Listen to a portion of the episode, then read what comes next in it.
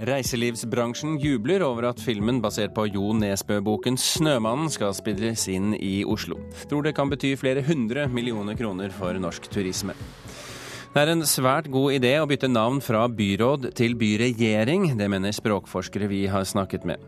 Og Festspillene i Bergen og Nord-Norge kan også forsvinne fra statsbudsjettet, men det bekymrer ikke de to festspilldirektørene. Og så spør vi om det er mulig å kåre de ti mest betydningsfulle bøkene om andre verdenskrig, og komme ut av det med æren i behold. Du hører på Kulturnytt, som har to Nesbøer i sendingen i dag. Ingrid Søfteland Nesbø, fløytist fra Os utenfor Bergen. og... Han andre. Vi begynner med han andre. Filmatiseringen av eh, Jo Nesbø-boken 'Snømannen' i Oslo kan altså ifølge noen eh, bety flere hundre millioner kroner i form av økt turisme til hovedstaden. Det tror i hvert fall administrerende direktør i NHO Reiseliv, Kristin Krohn Devold.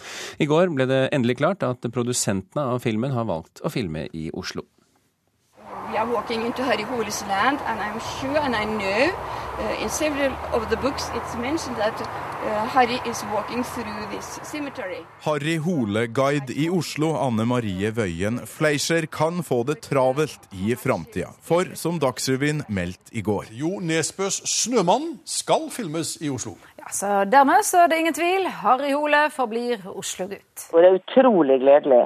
Kristin Krohn Devold, direktør i NHO Reiseliv, er ikke i tvil om at Snømann-filmatiseringa i Oslo blir lønnsom for norsk reiselivsbransje. Vi vet alle hva um, 'Ringenes herre' betød for New Zealand, men et nærmere eksempel er jo hva um, Millennium og Menn som heter kvinner har betydd for Stockholm.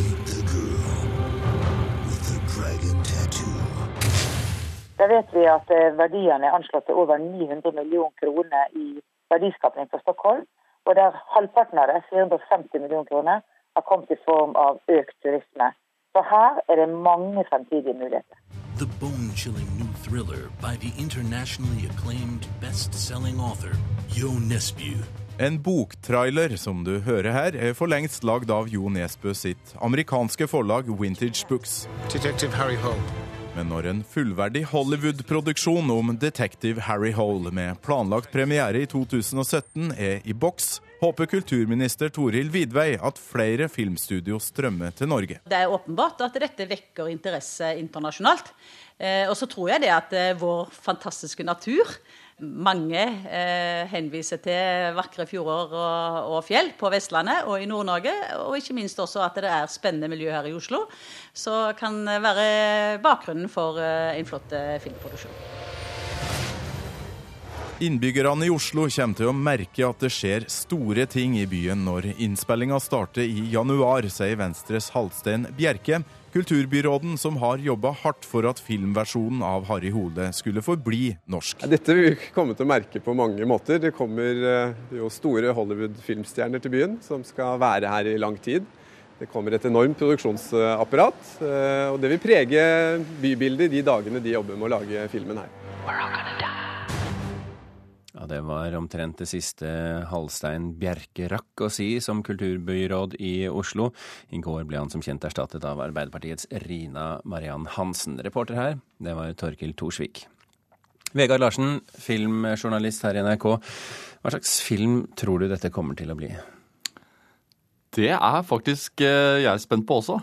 Eh, regissøren eh, Thomas Alfredsson, altså svenske Thomas Alfredsson, Eh, som skal regissere 'Snømannen', eh, er en eh, fyr som våger å gå sine egne veier.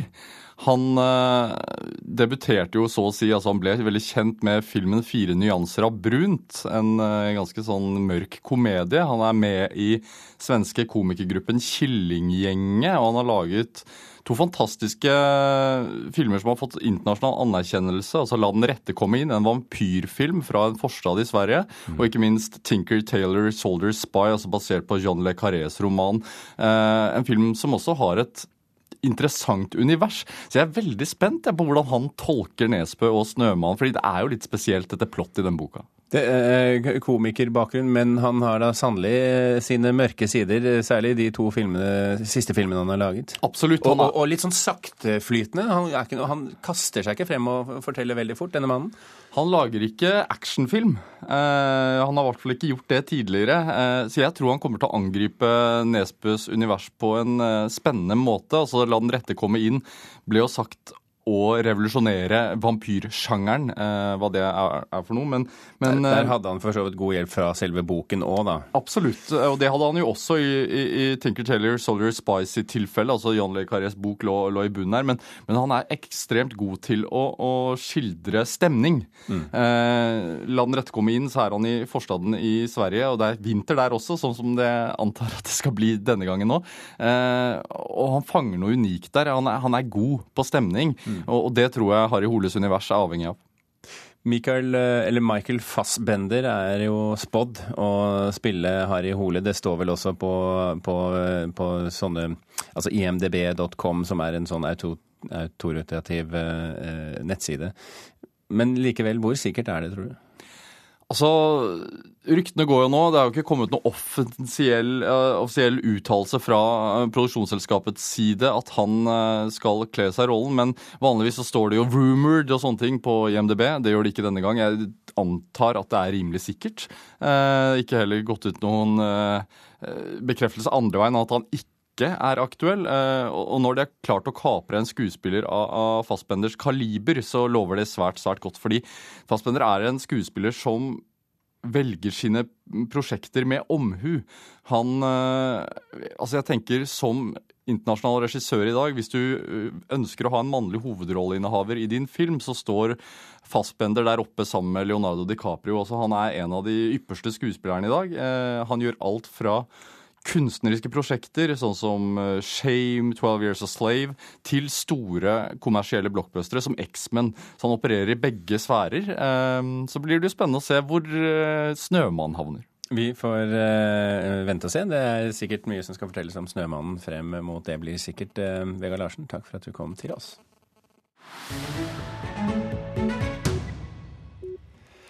Det kan godt hende at det ikke er lov å endre navn fra byråd til byregjering. Men språkforskere vi har snakket med, mener det er en svært god idé. Jeg syns det er et eh, godt valg, og det er godt tenkt, fordi at de tenker på folk flest. Og folk flest forstår dette mye bedre enn et, et byråd. Sier språkforsker Sylfest Lomheim. Fordi at ei regjering, det vet de, det er et utøvende, styrende organ som bygger på et eh, valgt flertall. Så byrådet er i byregjeringen, og statsråd er i statsregjeringen. Så dette er faktisk ganske logisk, og rett og slett mye lettere å forstå enn tidligere, den tidligere navnebruken. Så godt tenkt. Da Raimond Johansen ble byrådsleder i går, skifta han i samme slengen navn på både det ene og det andre. Han leder nå en byregjering, og selv er han dermed byregjeringsleder. Men det kan han ikke bare gjøre uten videre, det forteller VG i dag. Ifølge kommuneloven skal det hete enten byråd eller kommuneråd. Men språkforskere NRK har snakka med, synes det er en god idé å endre navn. Påtroppende språkdirektør Åse Vetås tror dette vil gjøre det enklere for folk flest å forstå hvem byregjeringa, eller byrådet, egentlig er. Det er jo en endring som kanskje kan gjøre det klarere for mange hva slags eh, type organisasjon eh, dette byrådet, eller det som nå skal hete byregjeringa, er for noe. Altså hva slags type organisasjon det ligner på. Byrådsleder i Bergen for Arbeiderpartiet, Harald Skjelderup, liker Raymond Johansens forslag. Han kommer ikke til å bryte loven for å få skifta navn, men ser ikke bort fra at også de kan bli en byregjering hvis det skulle bli tillatt. Men det er ikke lov eh, etter det vi forstår i henhold til kommuneloven i dag. Eh, Så det får vi i så fall ta i tur og orden. Men dersom det blir en åpning for det gjennom en lovendring, så kommer vi kanskje til å vurdere det også i Bergen. Så får vi se om det blir noe lovendring. Kommunalminister Jan Tore Sanner syns ikke en slik navneendring er verdt å drive med, og sier til VG i dag at han har viktigere ting å tenke på. Reporter her, det var eh, Runa Rød. Den nasjonale scene i Bergen har leid inn en konsulent som fungerer nå som mellommann mellom flere i ledergruppen og direktøren ved teateret. Teateret har satt i gang en ekstern eh, gransking av arbeidsforholdene etter at kommunikasjonsdirektøren varslet om flere kritikkverdige episoder tidligere i høst. Ansatte reagerer nå på at det blir brukt offentlige penger på en slik eh, konsulent, skriver Bergens Tidende. Vi skal holde oss delvis i Bergen litt til. Vi er ikke bekymret, det sier Festspilldirektørene i henholdsvis Bergen og Nord-Norge. Bakgrunnen er som følger. Regjeringen ønsker i forslag til statsbudsjett å lempe 14 av 16 festivaler ut av den faste posten på budsjettet, den såkalte knutepunktordningen, men la Festspillene i Bergen og Nord-Norge fortsette. Det førte til at eh, Stortinget nå diskuterer om man skal kutte hele ordningen og la også Bergen og Nord-Norge følge resten over på Kulturrådsbudsjettet dersom det ender med at også vi skal søke våre midler fra Kulturrådet, så er vi forberedt eh, på det. Og Det betyr bare at vi må gjøre en enda bedre jobb, og at vi må være enda mer relevant. Direktøren for Festspillene i Nord-Norge, Maria Utsi, er ikke bekymret, til tross for at politikerne på Stortinget nå diskuterer om festivalen hun er sjef for, også skal miste de øremerkede midlene fra knutepunktordningen. Tilbakemeldingene har vært entydige på at alle bør behandles likt, altså at heller ikke de bør ligge direkte på på tildeling fra departementet, men komme inn under samme ordningen. Og Det syns vi det er mange gode argumenter for. Det sa lederen for kulturkomiteen på Stortinget, Svein Harberg, til Kulturnytt i går. I statsbudsjettet foreslo nemlig regjeringen å fjerne knutepunktstøtten for 14 av 16 festivaler. Dette har ført til misnøye og mobilisering hos flere av festivalene. Hvis Festspillene i Nord-Norge også må søke støtte fra Kulturrådet, tror Utsi at de har gode muligheter til å motta statlig støtte også i fremtiden. Vi stiller tross alt med 52 års historie, eh, og Festspillene i Nord-Norge har spilt en ekstremt viktig rolle. Eh, både for kunst- og kulturlivet i nord, men også i et, eh, i et nasjonalt og internasjonalt perspektiv. Heller ikke i Bergen har Stortingets politiske diskusjoner ført til panikk. Det viktigste for Festspilldirektør Anders Beyer er at den nye ordningen blir like forutsigbar som knutepunktstøtten uanset om det heter knyttepunkt øh, eller, eller ikke, så er det viktig at at vi fortsatt har den mulighet, for ellers kan vi ikke være det festspill som vi er nå. Kulturminister Toril Vidvei håper de to festivalene fortsatt er på statsbudsjettet når Stortinget vedtar kulturbudsjettet i desember. Disse to institusjonene vi har foreslått som skal være på statsbudsjettet også for framtida, så de, eh, har de karakter til å være nasjonale institusjoner, eh, og vi mener at det er viktig. Reportere her, det var Jarl Nymo og Tone Staude. Klokken er eh, passert 15 minutter over åtte. Du hører på Kulturnytt, og dette er toppsakene i Nyhetsmorgen nå. Færre unge drar fra Norge for å krige i konfliktområder, sier Politiets sikkerhetstjeneste. PST mener radikaliseringen flater ut. Ambisiøse foreldre gentester barna sine, og salget av DNA-tester øker. Det bør bli forbudt for foreldre å genteste barna, mener Bioteknologirådet. Og i Sverige har det vært en brann i et planlagt asylmottak. Det har allerede vært fem branner i mottak denne uken, og politiet har mistanke om at de er påsatt. Det er 70 eh, år siden andre verdenskrig, og i denne tiden har det blitt skrevet utallige bøker om krigen. Også de senere årene har det kommet en rekke bøker. Når Norsk sakprosafestival åpner i helgen, har den tatt mål av seg å kåre de ti mest betydningsfulle bøkene om andre verdenskrig. Og juryleder og filosof eh, Espen Søby og jurymedlem og historiker Synne Korell, velkommen til Kulturnytt. Takk. For å kåre de ti eh, i gåsetegn beste bøkene om krigen, hvor mange har dere lest? Nå? Til ja, denne kåringen? Til denne kåringen. Um, nei, hvor mange var det vi hadde på den lista vi leste over sommeren, Espen? Ja, jeg, jeg, tror vi liksom har hatt uh, oppimot 100 bøker uh, altså, som, vi, som, vi, har uh, vurdert. Uh, så du gjorde først et utvalg, og så Nei, altså først så gjorde vi ikke noe utvalg. Først så liksom bare plussa vi på bøker vi syns vi måtte innom. Mm. Og så har det vært en slags elimineringsmetode, da? eller? Riktig. Ja. Hva har dere vært på jakt etter når dere snakker om de mest betydningsfulle bøkene? Altså de bøkene som i størst grad har endret vårt syn på krigen? Det er jo sånn at de bøkene som i størst grad har endret vårt syn på krigen, er det det samme som de bøkene som har solgt mest? Ikke med nødvendighet. Hvem er det som skal ha lest dem, eller hvor mange skal ha lest dem? Det kan vi jo ikke måle med mange historiske utgivelser. Eh, det er ikke nødvendigvis eh, det samme som de bøkene faghistorikerne har satt størst pris på. Så, så vi har jo måttet tenke en blanding av tematikk, skrivemåte og en viss eh, utbredelse. Men allikevel, eh, det, må, det, det må være en viss måling inne i bildet? Ja, altså eh, Jeg tror liksom begrepet for, altså, forståel, altså, forståelseshorisont. Altså, hva, hva, er dan, hva, er det som har dannet vår forståelse av krigen? Hvilke, hvilke bøker eh, er det som har bidratt mye til det? Det er jo ikke bare bøker som har bidratt til det. Det er de bøkene liksom vi har forsøkt å finne fram til. Og da er det jo klart at det er noen temaer som peker seg ut som veldig viktige.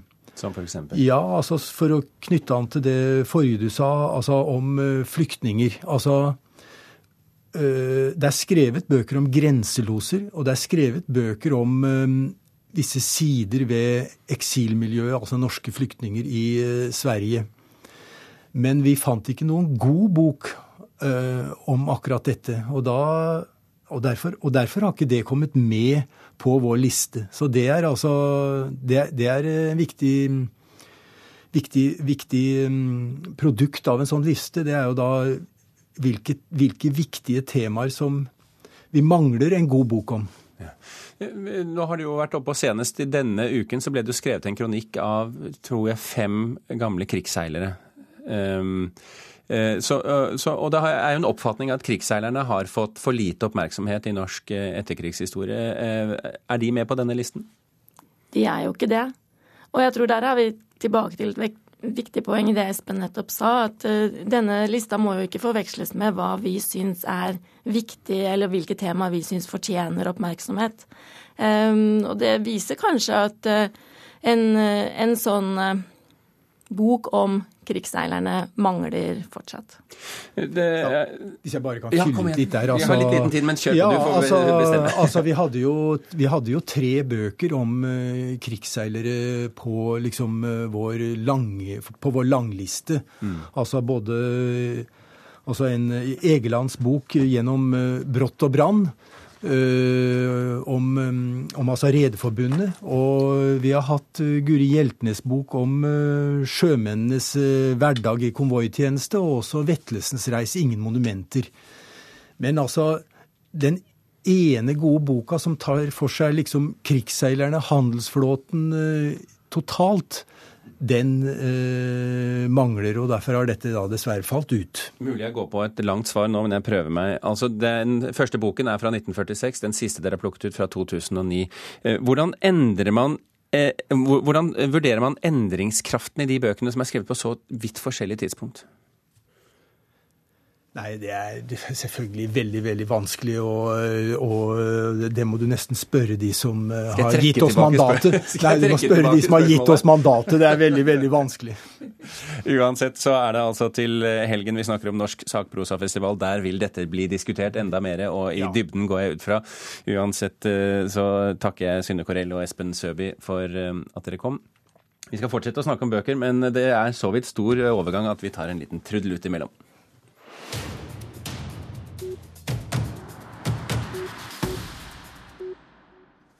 For vi er nemlig inne i et renn av bøker om norske rockeband. Mayhem-boken kom ut for ikke så lenge siden. DumDum-boken er på vei, og her i min hånd Glemte minner. Historien om 230 De Lillos-sanger, skrevet av eh, hva skal vi si, storebror Yngve Knausgård.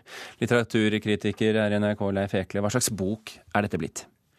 Eh, la oss ta med at Lars Lillo Stenberg, frontfigur, ja. også er medforfatter. Og det bærer boka preg av. Det er hva skal jeg si, er, Den er egentlig et eneste langt intervju, uh, der Yngve Knausgård, uh, fan siden han var 22, da omtrent 'Suser av gårde' kom ut, uh, og fram til nå, intervjuer Lars Lille Stenberg og de to andre Larsene som har vært med å skrive låter, altså Lars Bekkstrøm og mm.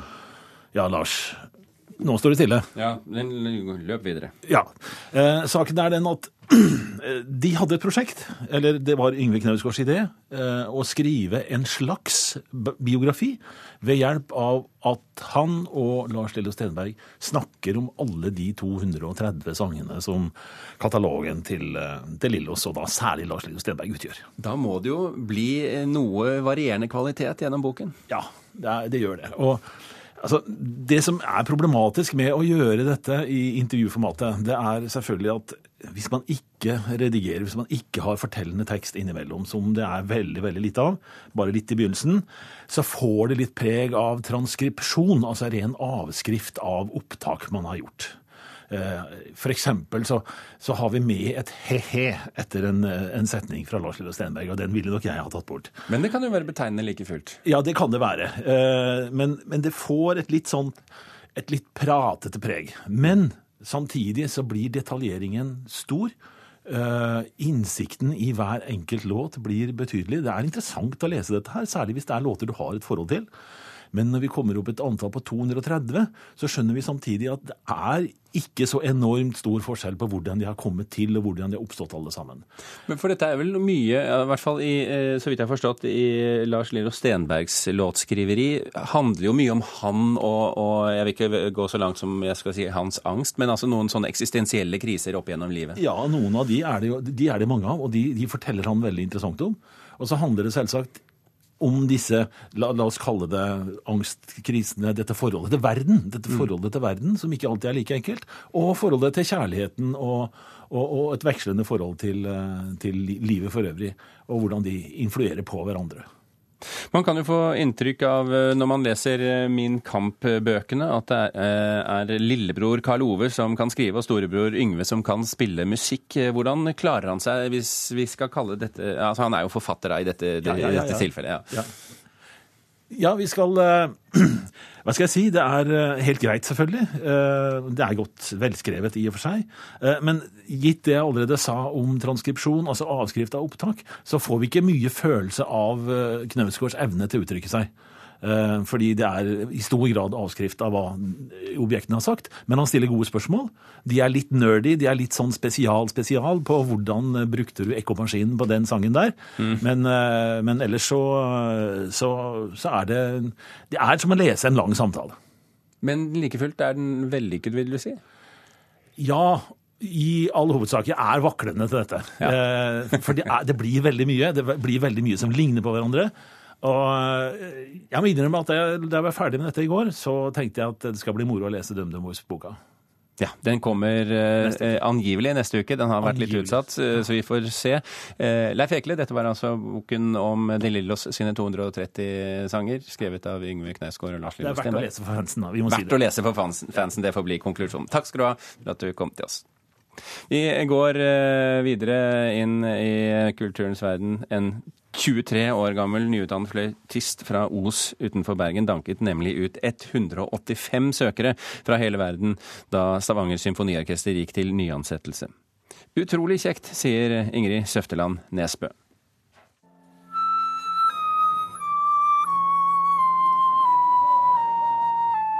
Utrolig stort eh, privilegium liksom, å få en fast jobb som klassisk musiker. fordi det er hard konkurranse, og det er hardt. Og ja, ikke så mange jobber i forhold til hvor mange som søker. Og, ja, så det er jo utrolig kjekt. Ingrid Søfteland Neset spiller fløyte så bra at hun i en alder av bare 23 år har fått fast jobb som solofløytist i Stavanger symfoniorkester, og er dermed orkesterets yngste. Nei, Det er veldig enkelt. Hun var den desidert beste. Det, det, var over 180 søkere, men det var en liten jente som var bedre enn alle andre, og det var Ingrid. Sier personalsjef i orkesteret Arve Rosell. Han hadde en liste med 186 søkere til jobben som solofløytist. Av disse var bare én av ti fra Norge. Og at Søfteland Nese trakk det lengste strået, er derfor veldig hyggelig, mener Rosell at hun er norsk, det er alltid, alltid kjekt. For det at uh, vi har hatt uh, litt problemer med norske søkere, som uh, ofte er i prøvespillsituasjoner, det er sånn vi rekrutterer, ikke nødvendigvis har tidligere alltid nådd helt opp til toppen. Det er jo ekstremt stor grad av utenlandske søkere, for det, er en tøff bransje, og det er en internasjonal bransje. Det er jo lik konkurranse for alle. Altså det Det er jo bare det at det finnes veldig mange fra utlandet, veldig mange fra Tyskland og fra alle mulige land som spiller utrolig bra. Og altså oppe i Norden her så er det jo veldig bra orkestre, og det er bra lønn, og det er liksom trygt liv, da. Så det er mange musikere som søker opp her. De norske symfoniorkestrene blir stadig mer internasjonale, og i Stavanger er nå om lag 40% av musikerne utenlandske. Også symfoniorkestrene i Trondheim og Bergen opplyser til NRK at andelen utenlandske søkere til jobber bare fortsetter å øke. Eh, ja, det er veldig berikende med, med mange nasjonaliteter. Ja, det er veldig positivt med norske søkere, og jeg har gjerne sett at andelen av de norske søkerne var større enn hva det er akkurat per i dag sier personalsjef Arve Rosell. Til en ledig jobb som bratsjist i Stavanger står det nå mellom to kinesere og en fra Latvia. Mens åtte av de 24 som er invitert til prøvespill som ny førstefiolinist, er fra Norge. Men den nye solofløytisten, hun er altså en ung kvinne fra Os. Ja, men man skal huske at det er jo prøvetid. Så jeg har seks måneder prøvetid. Så jeg har jo ikke jobben 100 sikkert før jeg har bestått prøvetiden. Og Den første prøven kommer allerede i kveld. Da skal Ingrid Søfteland Neset og Stavanger Symfoniorkester spille den tradisjonelle torsdagskonserten med Nilsen, Sibelius og Maler på programmet. Ja, det blir veldig kjekt. Det er kjekt å komme og spille denne uka etter jeg hadde fått, fått jobben. da. Kanskje litt, litt mer eh, avslappa på en måte, eller kanskje tør å gjøre litt mer. Til våren skal Søfteland Nese avslutte masterutdanningen sin ved Det kongelige danske musikkonservatorium i København. Så skal 23-åringen forsøke å spille seg inn i Stavanger-publikummets hjerter framover, og hun har sin klare mening om hva det er som skal til. For meg er det viktig at man har hjertet med, da. Reporter i denne saken, det var Anette Johansen Espeland. Kulturnytt er over. Toppsaken vår i dag var reiselivsbransjen som jubler over at Snømannen-filmen skal spilles i Oslo. Og med det takker produsent Thomas Alvarstein Ove og Birger Kolsrud Aasund for følget.